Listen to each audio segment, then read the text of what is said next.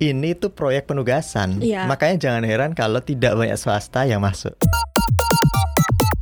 Kalau sampai gagal program infrastruktur, yang akan tertampar tuh mukanya Pak Jokowi langsung. arah investasinya sobat cuan tuh harus seperti apa melihat beban atau eh, pressure yang berat banget ini mas khususnya Ya. di Masih construction ini prospektif nggak sih mas sebenarnya untuk ke depan? Koneksi Konten Ekonomi. Seksi. Halo sobat cuan apa kabar? Hai. Seperti biasa hari Rabu lagi. Selamat datang di podcast cuap-cuap cuan di koneksi konten ekonomi seksi seksi seksi harus kayak gitu Ya, ya. seksi. Sama Maria Katarina di sini dan juga ada Sinar Putri, produser CNBC Indonesia. Halo. Dan juga ada seperti biasa our favorite yang paling ganteng di sini ya, ada Mas Arif Gunawan, Mas Argun, Halo. Head of Research CNBC Indonesia. Nah, seperti biasa Rabu kan selalu dit- ditunggu ini tema-tema yang sangat menarik nih ya. Kita punya punya yang punya apa aja yang menarik sebenarnya sih Nay untuk kita bahas nih hari ini. Jadi yang paling jadi sorotan itu nih, Mas Argun pasti udah Ya. udah tahu sih pasti. Mm-mm. Ini adalah eh, emiten-emiten karya yang dihempas oleh para investor. Setelah kemarin pas Februari itu kita sempat naiknya gara-gara SWF, tapi sekarang kok malahnya turunnya kok drop banget. Gue rasa yang diempas nggak cuman emiten karya. cuman ini diempasnya agak menyakitkan ya. Iya. Udah diangkat, dibanting gitu ya.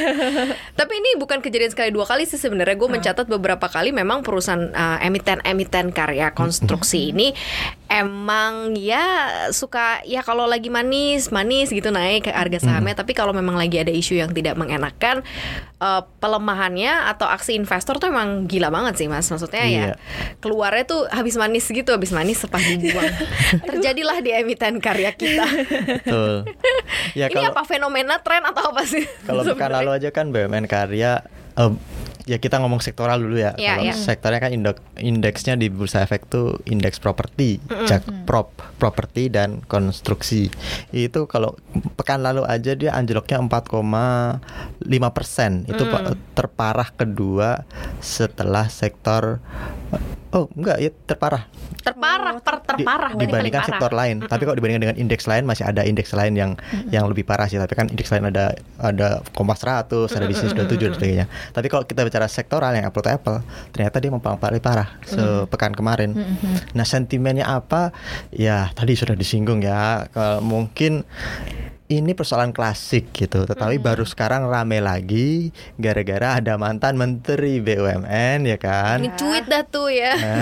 dia nulis Nulis ulasan ya. Tulis iya. dan dia ini uh, semangatnya pasti bagus dia ingin mengingatkan pemerintah dan saya pikir sebenarnya pemerintah juga sudah aware gitu ya bahwa ada problem di uh, BUMN karya kita.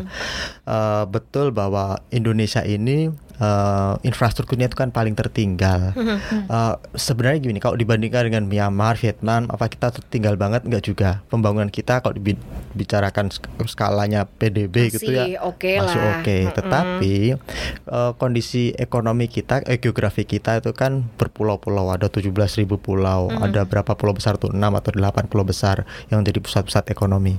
Dan kalau tidak ada konektivitas infrastruktur di situ yang salah satu pendukungnya, ya otomatis kita tidak bisa memaksimalkan potensi ekonomi kita. Beda sama Malaysia misalnya hanya ada Iya, dua iya. pulau besar atau Singapura satu pulau kecil aja ya kan. Infrastrukturnya bangun eh, alokasinya kayak di DKI Jakarta udah cukup kok di Singapura gitu. Indonesia enggak. Kalau RPJM yang tahun misalnya putaran pertama pemerintahan Pak Jokowi itu kan dia butuh paling enggak 4.700 triliun Iya, untuk bangun iya. infrastruktur Infrastruktur ya. agar bisa mengejar ketertinggalan gitu dengan negara-negara lain. Sebesar kita, kita mau nggak mau ketinggalan sama Vietnam yang juga sama-sama bangun infrastruktur dengan eh, apa namanya eh, bukaan geografis yang lebih kecil, ya otomatis dana yang kita butuhkan lebih besar gitu.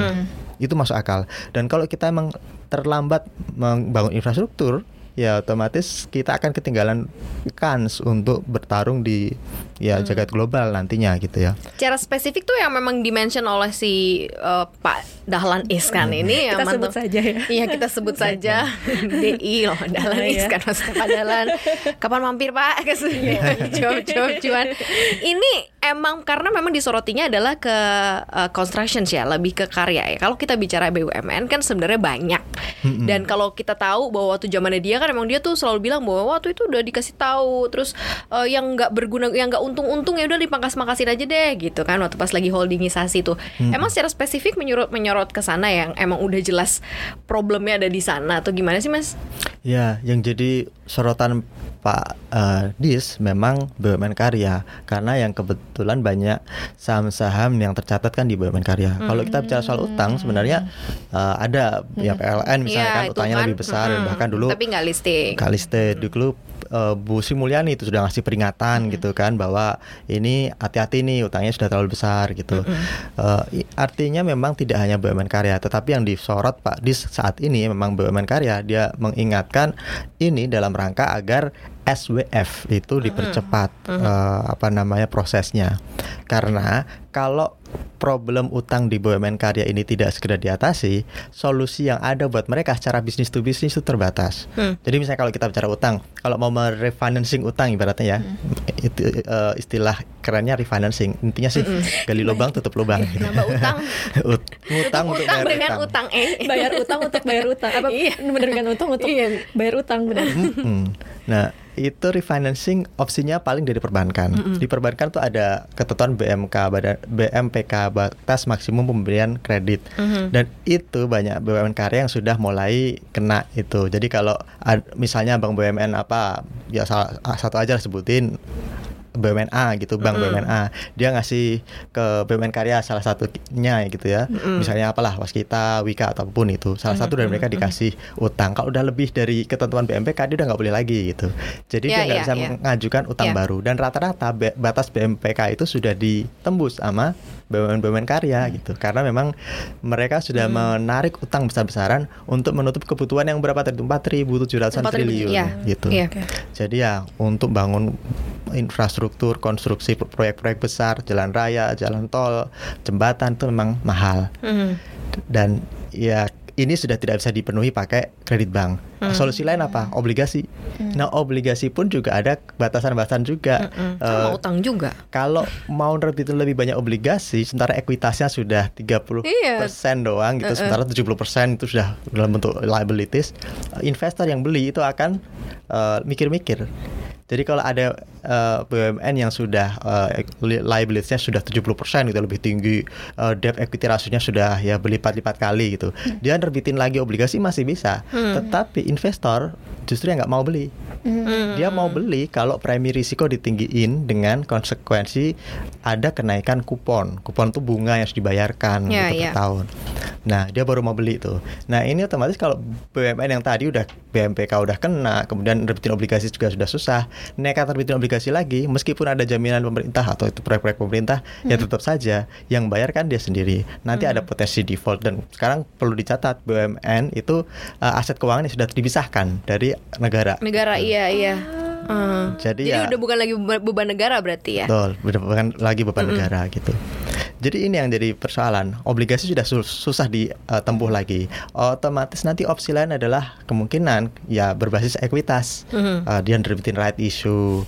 Uh, ya ini juga kabar buruk untuk investor retail.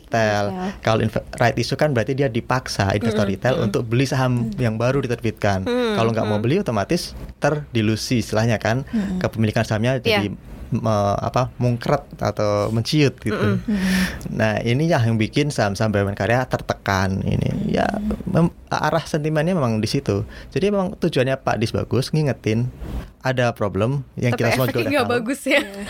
A- ada tapi ya itu biar SBF lebih cepat tetapi efeknya pasar lihat oh iya Waduh. gitu kan kemarin saya beli terlalu tinggi nih kayaknya Iya itu dia Pak Pak Pak Adis telat karena kan dulu CNBC Indonesia udah pernah ngangkat loh Berkali-kali. berapa ratus tahunkah bahkan BUMN karya itu akan menyelesaikan utangnya. Jadi taruhlah ada BUMN A gitu ya dihitung oleh CNBC Indonesia itu ingat banget tuh tahun lalu kalau nggak salah artikelnya itu harus menghabiskan kurang lebih 160 tahun katanya baru selesai nanti utangnya gitu. Iya. Itu kayak nggak dibaca tuh begitu Pak Adis langsung direspon sama pasar. Tapi emang karena konsep bisnisnya ya Mas. Karena kan kalau namanya construction itu kan harus dibiayain dulu, bener nggak sih? Kalau misalnya taruh di jalan tol nih, dia beres dulu jalan tol, terus nanti setelah itu baru dia dapat income kalau jalan tolnya udah dibuka gitu Betul. misalnya. Atau kalau dia bangun gedung atau dia bangun eh, apa project-project apa irigasi ya iri- ini dekat kan dengan irigasi kan. Bendungan gitu aku tahu banget. bendungan kamu pasti kamu tahu. Iya, ada kedekatan personal dengan bendungan kayaknya. iya kan? Yang sehingga membuat ya harus permodalan harus gede Iya. tapi ternyata uh, keuntungan tuh memang berj- apa memang lambat akhirnya ya jalan bukan lambat sih maksudnya tertunda sampai project selesai kan emang karena metode bisnisnya atau seperti apa, apa dialami juga nggak di konstruksi konstruksi konstruksi di luar juga halnya sama nggak sih sebenarnya similar nggak sih Sama, sama. Jadi problem yang dihadapi BUMN di Indonesia itu sama persis dengan di negara-negara lain. Hanya bedanya kalau di negara lain itu yang ditugasi menjalankan proyek-proyek infrastruktur itu emang perusahaan swasta dan pendekatannya Ah. pure B2B, tidak ada penugasan. Nah, kalau ini kan ada Iya. penugasan gitu ya. Ditunjuk langsung oleh menteri. Ditunjuk. Ya memang mekanis- kue itu, mekanisme tetap ini sih lelang dan sebagainya. Tetapi kan ya yang ikut itu, itu saja gitu kan. Yang berminat paling yang BUMN karya karena yang swasta mikir aduh ini berat ini ya gitu.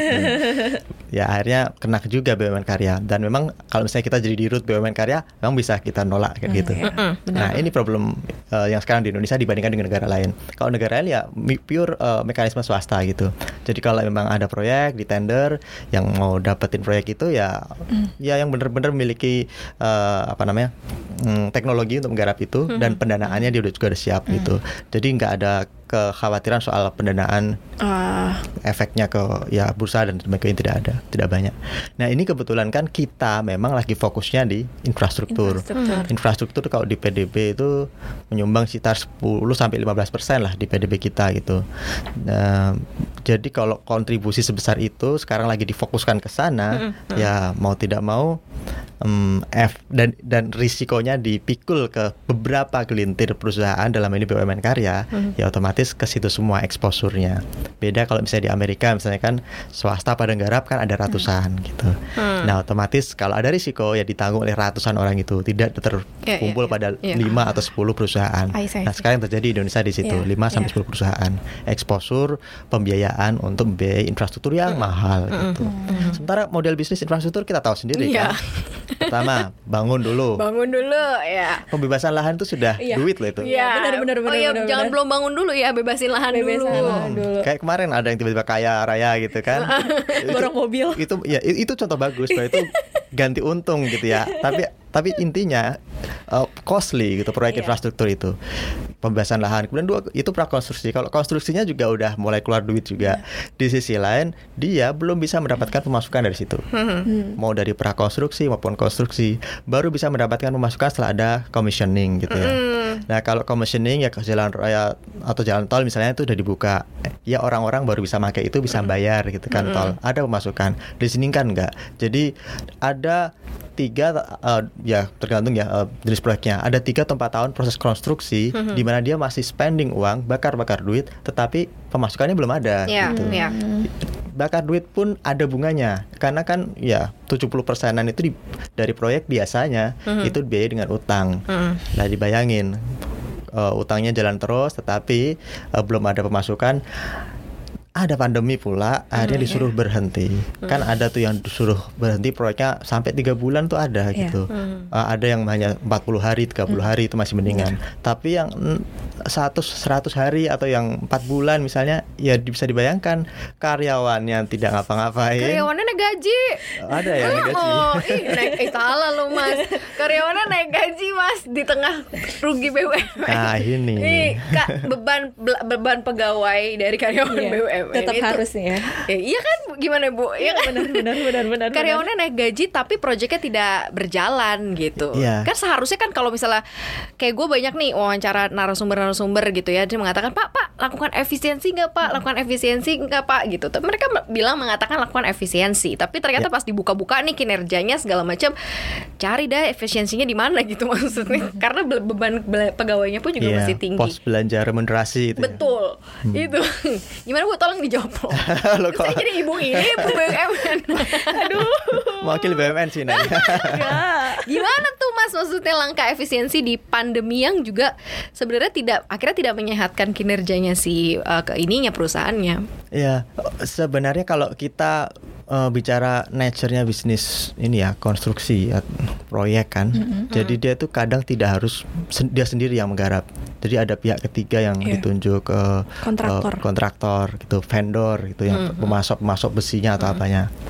Eh, tapi ke s- ya ini ada dampak dari kebijakan sebelumnya. Dulu kan ada sinergi BUMN. Jadi sebisa mungkin semua proyek yang Harus adalah BUMN. Jadi sekarang sepertinya Ke- Kementerian BUMN melihat eh, sisi lain dari kebijakan lama itu. Bahwa ketika semuanya digarap ada proyek yang masuk siapa betonnya ya dari anak usahanya juga, yang masuk ini semennya siapa ya dari BUMN, eh, anak-anak usahanya juga. Sinergi kan. Eh, tapi ya ketika terjadi pandemi di mana ya kalau menurut BPS kemarin aja sektor konstruksi turun 3,26 persen nih di, Ya, di ya. pertumbuhan ekonomi kita tahun Ya. lalu itu terpes- terparah kedua setelah perdagangan. Coba bayangin. Nah, ketika ada pandemi, ada penurunan eh, kinerja sektor konstruksi, sementara ada ya risiko efeknya bukan ke mana-mana. Eh, eh, yang vendornya tidak bisa dapat ini apa pemasukan karena Iya, banyak yang Iya. telat ya. telat. Akhirnya ya itu semua jadi berantai. Harusnya ketika ada kondisi seperti itu, eh, perusahaan yang fleksibel bisa survive. Ya. Iya. Tetapi karena biasanya kalau sama vendor itu ada perjanjian gitu. Nah perjanjian ini biasanya mengikat meskipun eh, ya eh, kontraknya satu tahun misalnya, tapi per bulan harus memasok sekian ton bis- biji besi misalnya, ya itu harus dilakukan dan itu duit harus tetap masuk gitu. Nggak ada alasan misalnya, waduh saya nggak bisa bayar dulu ya udah besi dikirim aja dulu di gudang, nggak bisa.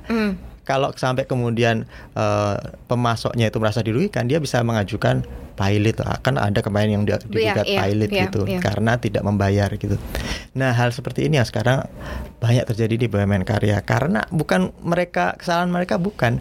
Ini korban dari situasi. Ya aduh. Tapi kan bukan tahun lalu doang kejadiannya. Iya. Tahun-tahun sebelumnya juga kayak gitu, Mas. Benar. Nah, harusnya kalau mau efisiensi tadi ya, yaitu mengurangi. Iya kan. dong. Tetapi memang ya kita tidak tahu. Kalau ada yang Gue ketawa dong ya. kalau ada yang seperti itu ya kita tidak tahu kebijakannya seperti apa. Harusnya eh, orientasinya adalah efisiensi.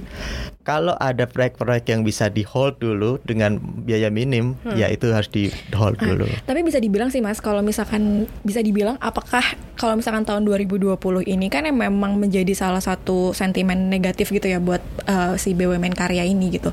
Katanya sih dan memang dilihat dari empat BUMN ini kayak Waskita, Wika, PT PPAD ini memang anjloknya itu emang parah banget di 2020 ini. Ya. Atau m- bisa dibilang nggak sih emang anjloknya ini emang gara-gara proyek dari pemerintah. Padahal kan kalau kita tahu ya kayak proyek Ah, pemerintah itu kan lebih garanti kan. Iya, iya. Ka- kayak lebih proyek PSN yang kayak gitu kan. Maksudnya seenggaknya memang digaranti oleh pemerintah. Tapi kenapa proyek pemerintah sendiri yang dinilai lebih memberatkan kinerja-kinerja para BUMN karya ini gitu loh Mas.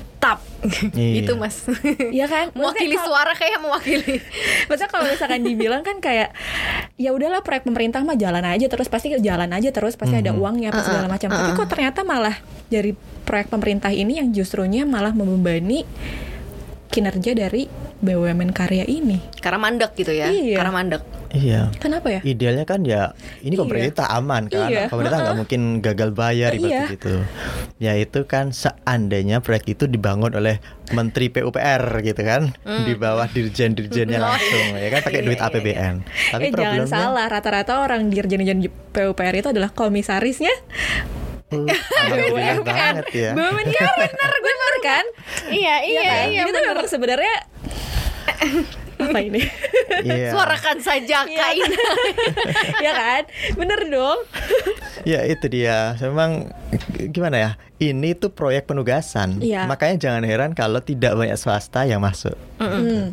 Bukan karena proyek ini tidak menguntungkan, bukan. Proyek ini memang diperlukan. Apa aja jalan tol, proyek uh, umbul, air, PA, itu, itu memang diperlukan uh, masyarakat publik.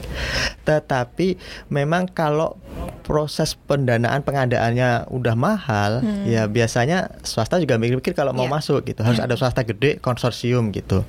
Yang terjadi sekarang ini kan kebanyakan BUMN digarap sendiri proyek itu. Idealnya itu konsorsium dia. Iya. Dengan konsorsium kan ada ya di proyek i- pastinya prinsip gotong royong berjalan di sini. Uh, ini kan mulia sekali kalau gotong royong. Tapi sekarang kan di diambil semua sama BUMN karya Iya, nih. iya. Eh, porsinya gede-gede diambil BUMN karya. Nah, ketika nah, pada proses pembangunannya risiko bisnisnya yang nanggung bukan pemerintah. Hmm. Bukan Kementerian PUPR, apalagi komisaris-komisarisnya ya, yang nanggung adalah BUMN karya itu sendiri. Iya gitu. benar-benar. Nah, Bisa dibilang berarti gini ya mas, kalau dulu tuh pikirannya kerjain aja dulu, duitnya belakangan gitu kali. Eh, Atau Akan kalau memang begitu kan Iya. bisnisnya begitu. kan Mas. kalau misalkan Ya. tadi Mas Argun cerita kalau misalkan dari yang udah ada di luar negeri kan udah disiapinnya tuh udah mateng banget nih. Maksudnya pembangunannya, dananya juga udah ada kalau dari swasta gitu kan. Mungkin kalau yang kemarin ini kenapa kenapa emang kejadiannya kayak gini malah membebani? Ya udahlah kita bangun aja dulu, dananya belakangan gitu. Ya nggak sih? Ya, dan itu akhirnya otomatis ada aktivitas ekonomi tapi tidak ada pemasukan gitu kan. Jadi ya memang ya, ya sudah dijalani dulu. Kita kalau bicara kita bahan bakunya dulu ya. udah ada, udah Makanya impor. jangan mau gitu. kalau Kayak jalanin dulu dan- kayak hubungan gitu. Kamu harus tahu. Nggak, karena nggak ada kepastian. Jalanin aja dulu. Jalanin dulu. Waduh, iya, iya mas gitu. Sobat cuan harus hati-hati kalau yang bilang jalanin dulu. Jangan kayak BUMN karya nih. Tahu-tahu utangnya banyak. Diem-diem gitu ya. ya lanjut lanjut. Iya, ya, ya, bayangin aja kalau misalnya kita ya jalanin proyek, kemudian gede dananya, terus ya udah ditalangin dulu risiko-risikonya, otomatis ya proyek ini akan membahayakan keuangan. Tapi apakah sampai pada titik kolab? Sepertinya tidak. Dan inilah yang mungkin baru dipahami oleh eh, pelaku pasar. Makanya seminggu lalu anjlok banget, tapi Selasa Senin Selasa kan udah mulai recover Iya, tuh rebound. beberapa saham BUMN. Selasa eh, Senin saya udah bilang tuh waktu di di uh, profit ya. Program profit NBC bahwa ini itu kalau sampai gagal program infrastruktur yang akan tertampar tuh mukanya Pak Jokowi langsung. Oke. Hmm. Dan Pak Jokowi itu kan tipikalnya orang yang nggak mau Gagal. ini kan gagal dalam me- me- menjalankan tugasnya. Dia akan melakukan apa pun untuk mencegah agar risiko ini terjadi. Oke. Infrastruktur ini program prioritas dia gitu. Wow. Ketika nanti BUMN karya pada kolaps, uh, mau dibawa ke mana, Iya, ya iya, kan? iya. Eh, roda pemerintahan beliau gitu. Makanya dia pasti akan mengambil cara-cara apa- apa pun untuk menyelamatkan itu. Salah satunya apa? SWF, Sovereign Wealth Fund. Iya. Itu dipercepat itu dikebut. Tapi memang bisa nggak sih nantinya SWF bisa menjadi penolong sejati Juru konstruksi selamat. ya Oh, di Indonesia selamat. gitu. Apakah memang Ya. eh, ekspektasi pasar? Karena kan kalau kalau di market tuh ketahuan banget kan ketika ada eh, satu beri- pemberitaan yang positif nantinya karena kan bicaranya futures nih. Hmm, hmm. Mereka langsung menganggap bahwa nih future-nya bagus, makanya aksi beli konstruksinya juga gede gitu. Nah, tapi apakah memang eh, benar gitu ya ini benar-benar bisa menjadi juru selamat penolong sejatinya konstruksi, Mas? Ya sekarang bukan satu-satunya opsi, tetapi ini salah satu opsi yang visible untuk dilakukan oleh pemerintah. Mungkin bukan yang terbaik, tetapi ya nggak bukan paling ideal karena kalau kita bicara SWF, seharusnya SWF itu di international best practice itu dia ngumpulin duitnya, modalnya itu dari sisa devisa hasil ekspor. Gitu. Oh, Norwegia oke. dia eksportir minyak, duitnya kemudian sebagian disimpan jadi SWF. Kalau Mm. SWF kita itu kan SWF rasa hedge fund. Kita- Iya, kita rasa hedge. Iya, ngajak orang lain dari Ngajak orang asing lain. untuk masuk naruh duit di situ. Ya, ya bisa- bisa dimaklumi lah karena kita kan juga nggak kaya-kaya amat kalau bicara modal ya. Iya. Makanya oke narik investor asing. Kemudian diajak untuk masuk ke beberapa proyek infrastruktur yang dinilai prioritas. Misal prioritas mungkin saya pikir sekarang akan berubah, bukan prioritas lagi untuk uh, roda pembangunan bangsa, tapi prioritas untuk menyelamatkan BUMN mungkin. Iya, iya. Ih, gue rasa iya, Iya, benar. bisa jadi, benar, jadi. bisa jadi, Benar, bisa benar. jadi. Nah, karena dilihat wah ini paling bahaya nih kalau nggak di ya, disuntik gitu baru itu proyek ini. Iya. Artinya nanti akan dimasukkan di situ. Uh, beberapa negara katanya sudah mau masuk. Karena apa? Ya SWF ini memang ada jaminan dari pemerintah beda sama Nah, dananya BUMN itu ya, gitu Mas, ya. Jadi ya pasti menguntungkan buat investor swasta di tingkat global. Tapi ingat ini juga investasi, tidak bu- tidak ada makanan siang gratis gitu. Kemudian yang kedua, otomatis kalau ada SWF eh, ya dana dari dalam negeri harus ada yang masuk juga dong. Nah, makanya kemudian eh, BP Jamstek masuk. Dia Punya bilang, deh tuh dia ya. Iya, dia bilang dia itu punya dana 500 triliun kan Iya, kurang lebih iya. dana kelolaan investasinya. Kalau diinvestasiin menurut aturan yang mengelola investasi mereka itu tidak boleh lebih dari 50 persen masuk ke penyertaan langsung atau ke sektor real langsung. Beli proyek atau eh, in- invest di proyek atau di perusahaan. Tak boleh lebih dari 5 persen. Jadi kalau 500 triliun lima persennya berarti sekitar 25 triliun. Hmm. Dananya dari mana? Ke- eh, kemarin manajemen BP Jamstek bilang dia akan ngurangi portofolio di saham dan reksadana. Nah inilah yang bikin Sahamnya tanda kutip dong saham mana nih yang dikurangin? Jangan-jangan itu. iya. Kalau kita lihat beberapa saham memang ada di situ juga. Ada kan? Di sisi lain eh, kebijakan penyelamatan ini yang melibatkan BP Jamstek juga menekan market. Iya. Ya karena bayangkan ketika 25 triliun dia nyiapin, dia dapatnya dari mana? Kalau nunggu iuran, iuran itu rata-rata per bulan BP Jam Sostek dapat 6 sampai 7 triliun.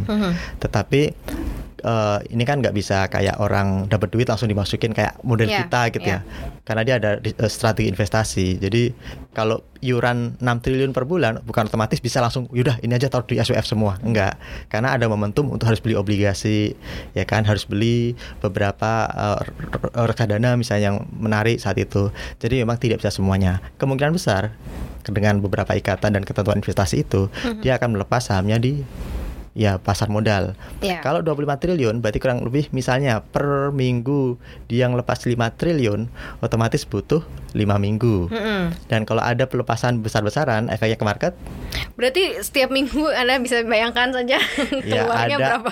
ada aksi jual kan. Iya, gitu. itu dia. Dan aksi jual ini gak ada kaitannya sama fundamental. Jadi jangan heran minggu lalu kok kan bursa saham kita anjlok terus gitu. Padahal investor sentimennya bagus di luar negeri, uh, Wall Street nyetak rekor mulu. Di tempat kita koreksi, padahal di Asia hijau semua gitu minggu lalu. Ya salah satunya ini BP Jamstek malah lagi jualan. Dan kalau ada jualan, ya sementara energi belinya lebih sedikit, ya posisi tawar dia apalagi dana gede ya agak susah jualannya. Makanya dia akan relatif menjual dengan harga lebih uh, uh, posisi tawarnya lebih rendah gitu. Jadi kemungkinan ya jualnya ke dalam hari itu ada, menyebabkan koreksi harga saham. Itu Oke. itu yang terjadi makanya koreksi-koreksi. Makanya kalau gue wakilin sobat cuan mau beli nggak nih konstruksi? Kalau beli yang mana nih? Maksudnya artinya dengan dinamika ini uh, institution big institutions ke- lagi keluar dari market gitu kan. Kemudian juga ada tekanan yang seperti ini gitu. Dan melihat kemungkinan dan masa depan masa depan dengan SWF ini gimana gitu. Jadi arah investasinya sobat cuan tuh harus seperti apa melihat beban atau uh, pressure yang berat banget ini Mas khususnya Ya. di Masih construction ini. prospektif nggak sih mas sebenarnya untuk ke depan?